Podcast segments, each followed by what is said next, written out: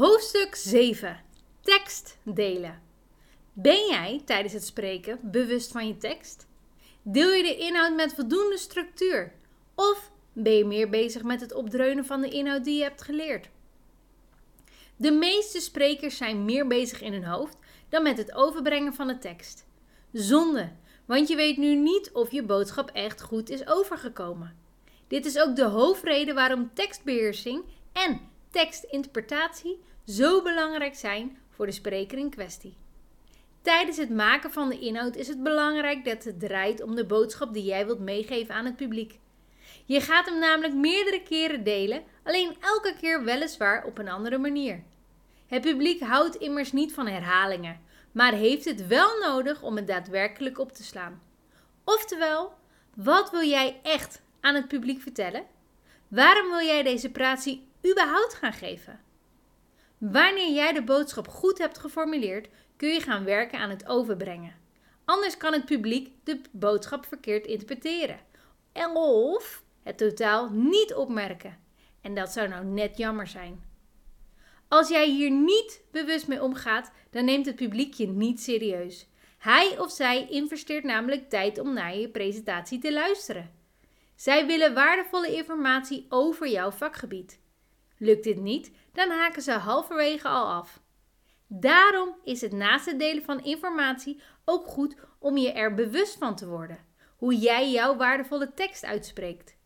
Heb jij bijvoorbeeld een hoog spreektempo? Spreek je binnenmonds of leg je te weinig intonatie in jouw stem? Als dat zo is, dan wordt jouw verhaal direct op een andere manier geïnterpreteerd door het publiek, omdat ze meer moeite moeten doen om jou te verstaan. Luister daarom eens bewust naar je eigen stem, zodat je kunt horen hoe je echt klinkt. Je kunt bijvoorbeeld extra accenten, volume en tempoverschillen inzetten om belangrijke zinnen of woorden op te laten vallen.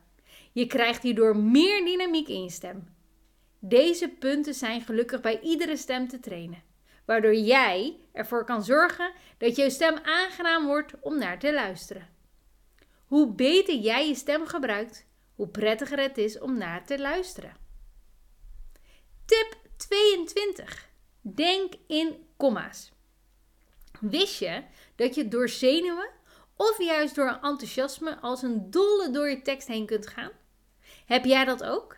Geen probleem. Als jij je hier maar bewust van bent. Zelf heb ik dit ondervonden en voor mij werkt de oplossing denken in komma's.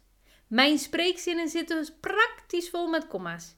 Hierdoor ben ik bewust rustiger aan het spreken. Wist je trouwens ook dat door die stille momenten die komma's creëren, je boodschap beter overkomt? Je gaat namelijk het publiek de ruimte om je informatie op te slaan geven.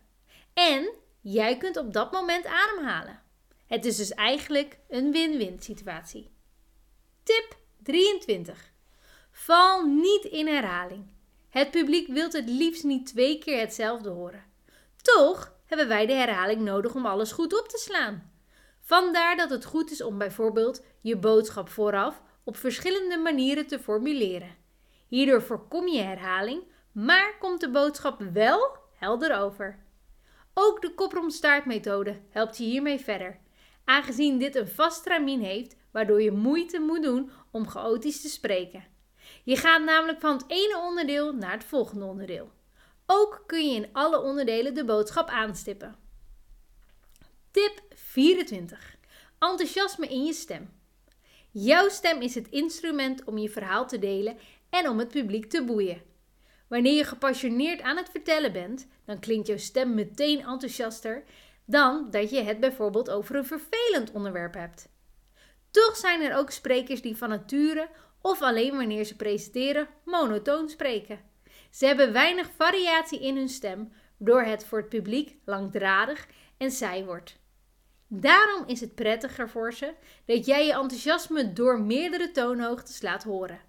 Als je bijvoorbeeld een vraag stelt, dat je dan ook aan het einde van de zin naar boven gaat. Spreek jij van nature monotoon? Dan kun jij jezelf trainen om met meerdere toonhoogtes te gaan spreken. Als je dit bewust inzet, klink je meteen anders en opgewekter. In het volgende hoofdstuk ga ik het natuurlijk hebben over hoe jij jezelf kan gaan presenteren. Want dit hoofdstuk is tevens ook wel de laatste. Dus geniet er nog even van. Of ja, begin natuurlijk weer opnieuw vooraf aan met het e-book, mocht je nog een keer het willen weten.